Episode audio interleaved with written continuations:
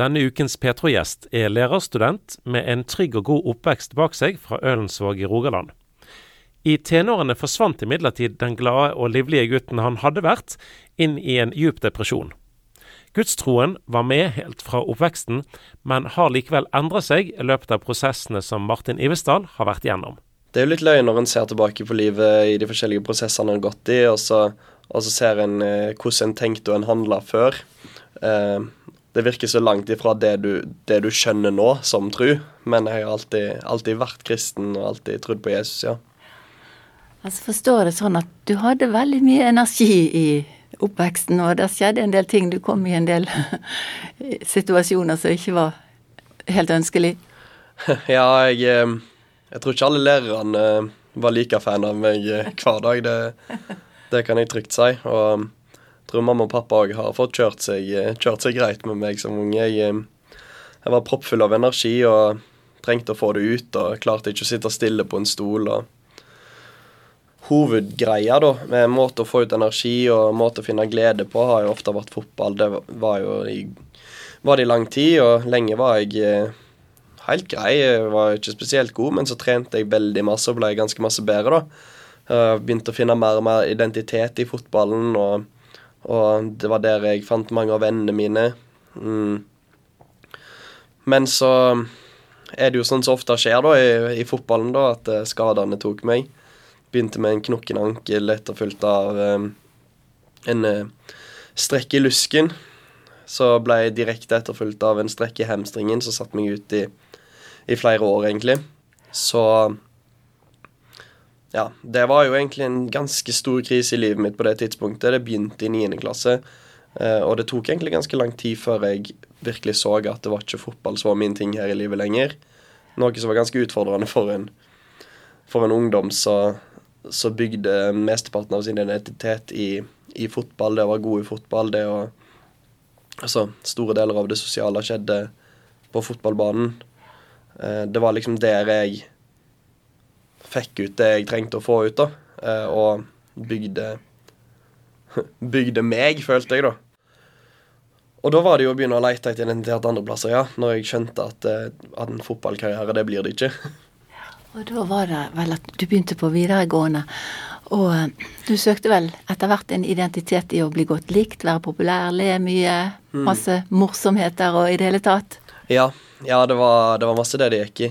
Jeg jeg var en ganske livlig gutt òg, eh, og når fotballen hadde røket, så klarte jeg liksom å, omstille meg, da, selv om det var veldig kjipt, og det fortsatte jo å være kjipt, og det har jo vært kjipt i etterkant òg, men, men, eh, men, så begynte jeg liksom å se at OK, nå, jeg, jeg begynte jo på, på Lundneset, en kristen videregående skole. Der var det liksom ikke fotball som var det som gjorde deg populær, da, i hermetegn. Ikke at det var en veldig sånn sterk popularitetskultur, men jeg var ikke spesielt moden heller, så, så jeg skulle liksom prøve å bli likt.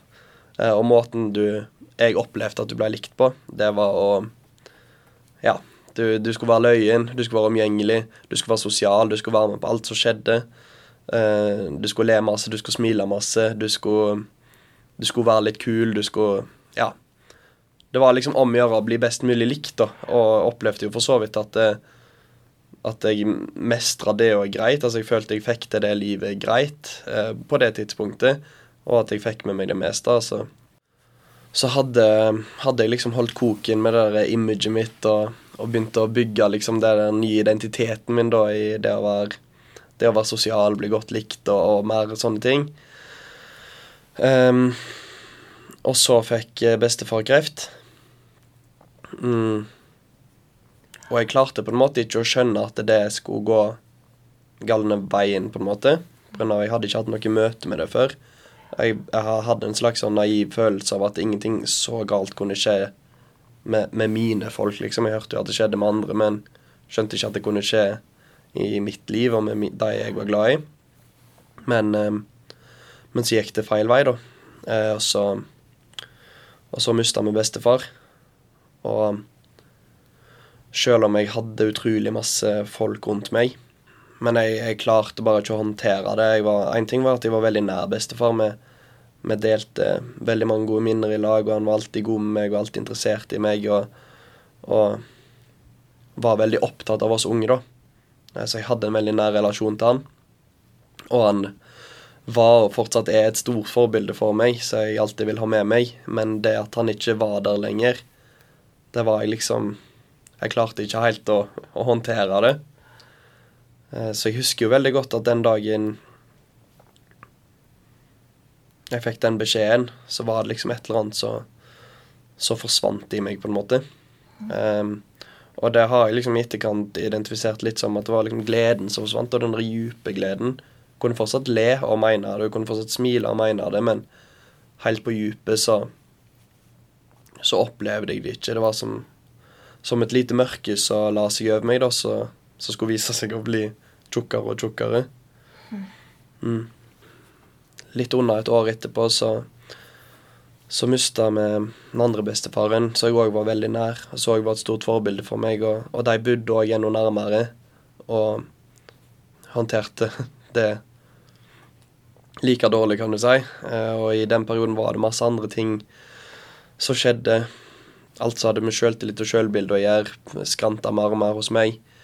Um, litt ting som skjedde i, i familien som var vondt å håndtere. Jeg merka at eh, min smerte førte til andre sin smerte og gjorde at min smerte ble enda større.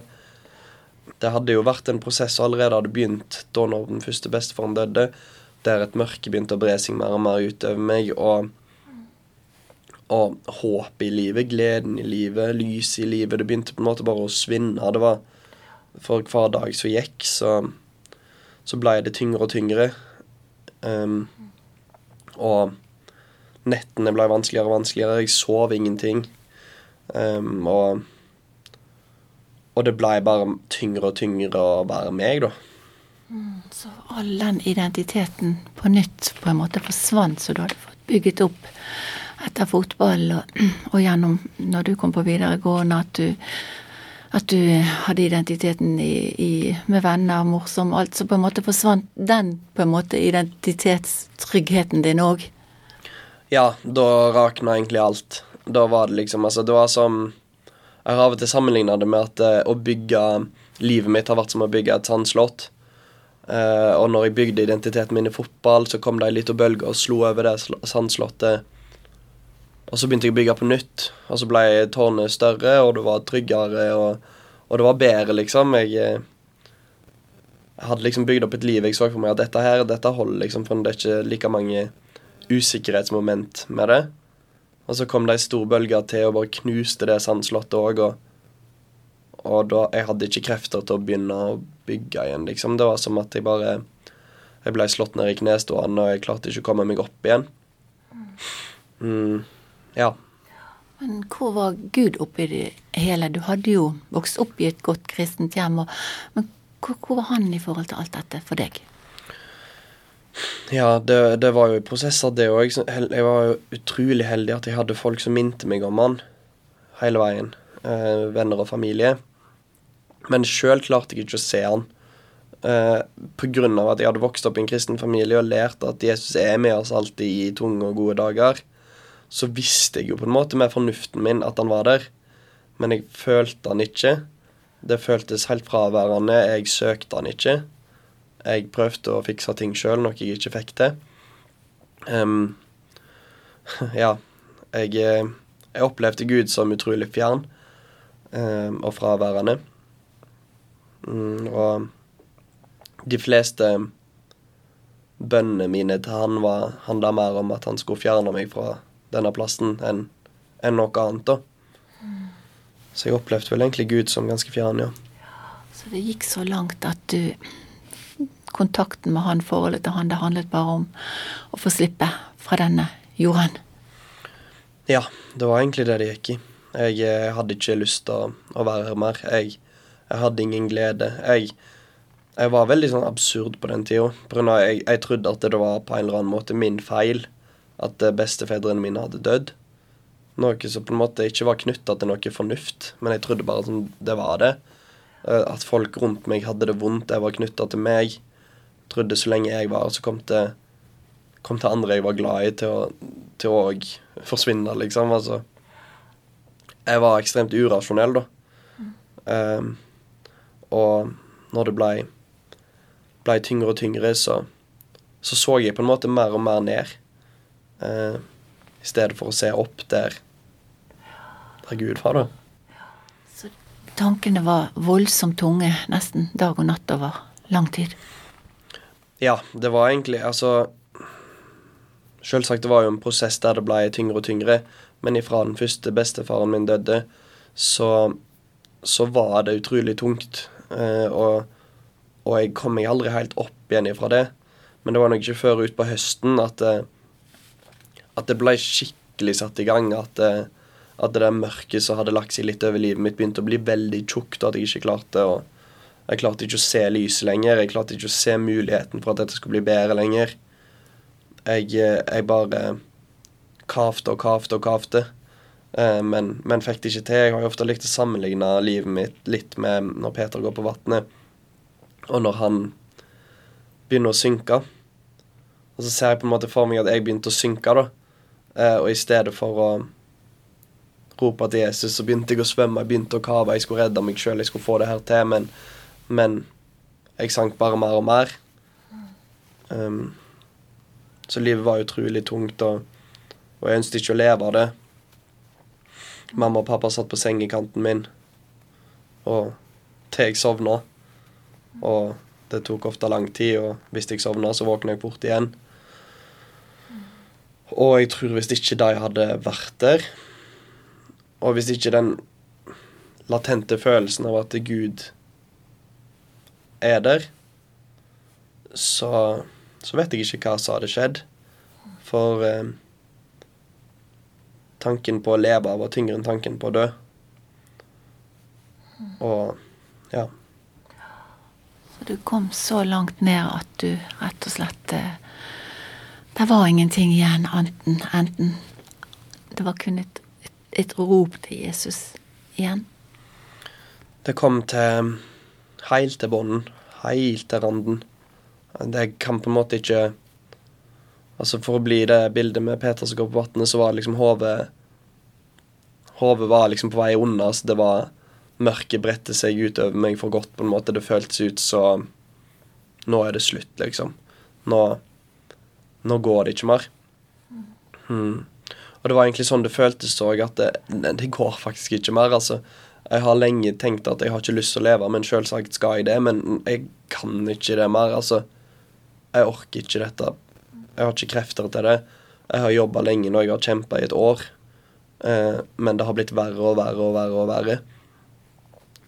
Um, og jeg jeg, måtte, jeg jeg ga opp, da.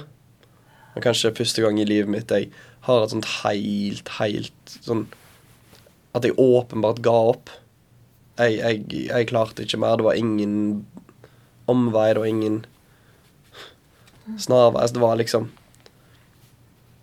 Jeg var ferdig. Mm. Og da Da ropte jeg til Gud, sånn sjelelig, da. Eh, det var ikke sånn at jeg lå på rommet mitt og ropte fysisk, eh, men eh, det var som at sjela mi skreik av full makt at at Herre, frels meg. Jeg, jeg klarer ikke dette sjøl. Jeg Enten så Enten så tar du over, eller så er jeg ferdig.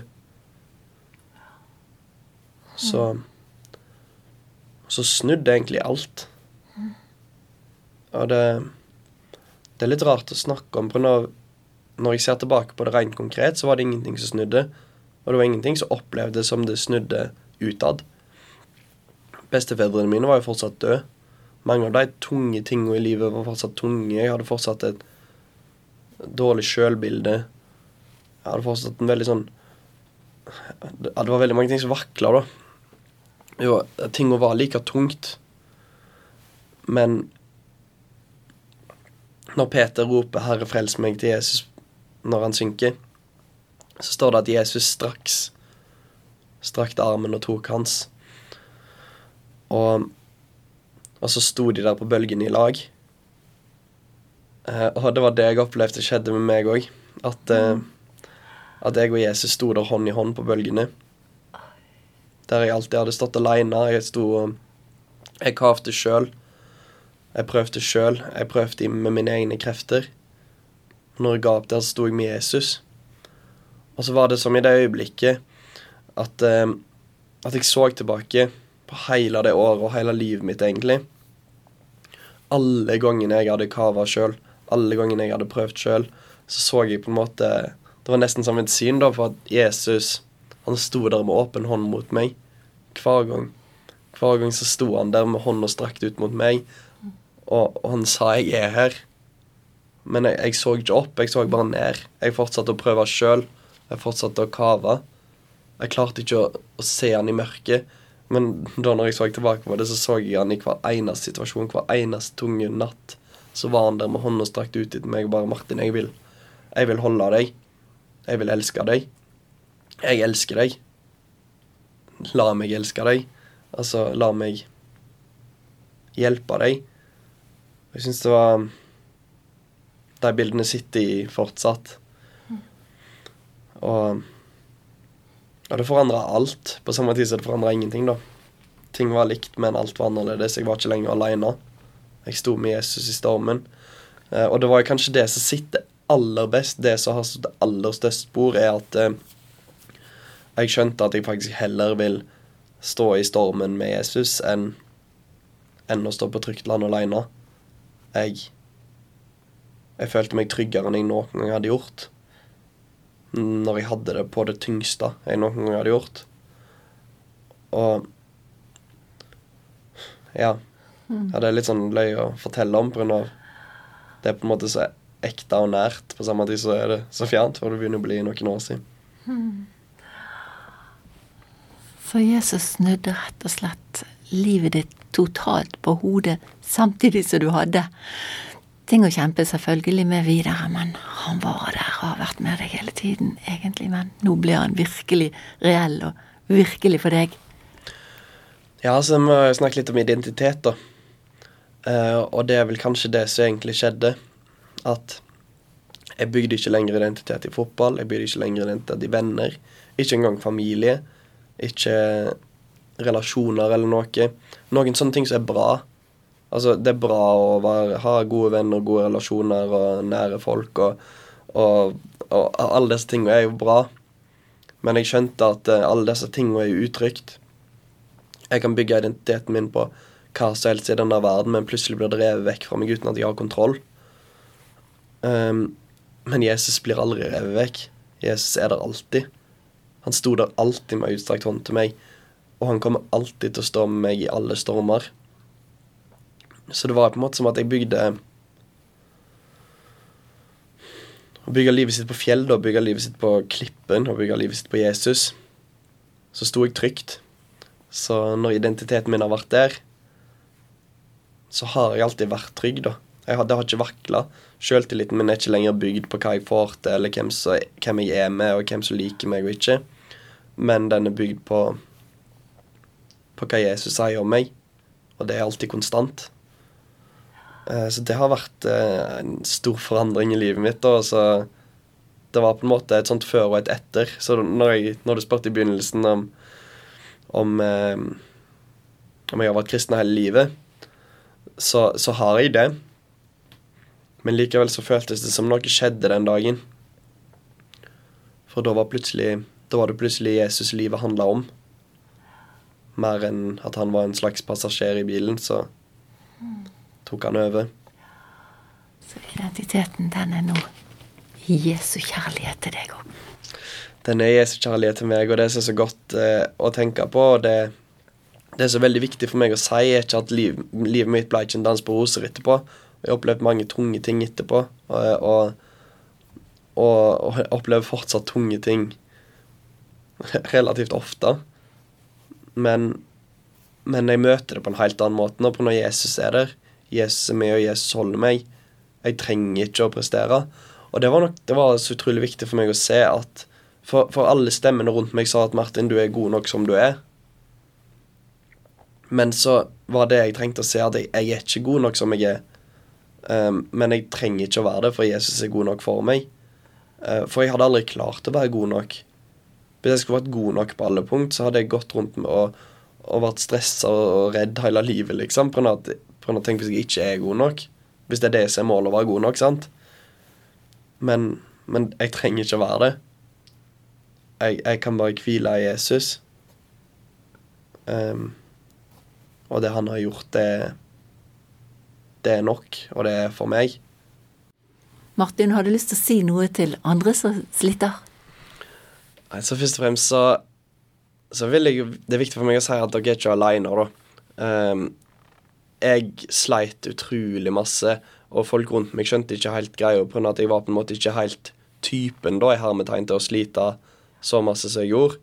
Um, men det er alle. Det har jeg virkelig skjønt. Alle typen til å slite, alle typen til å ikke slite. Det er ikke knytta til, til de tingene. Men dere er ikke alene. Det er utrolig mange som har det tøft. Så vi må være rause med hverandre, vi må være nådige med hverandre, sånn som Jesus er nådig med oss.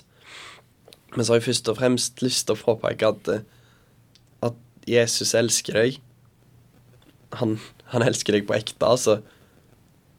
Og, og han står der med ei utstrakt hånd til deg. Uh, det er ingenting han ønsker mer enn at du skal gripe den hånda, at du skal rope 'Herre, frels meg', 'ta meg, hold meg'. Og da er han klar til å gripe han. Og da lover han ikke et bra liv etterpå, men han lover at han skal stå med deg i stormen. Han lover at han skal stå med deg ut livet i alle mulige problem som kommer, så skal han stå der i lag med deg. Kom til Jesus med det.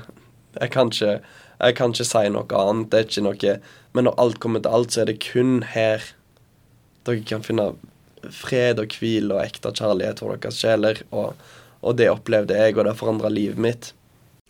Du lytter til en podkast fra Petro.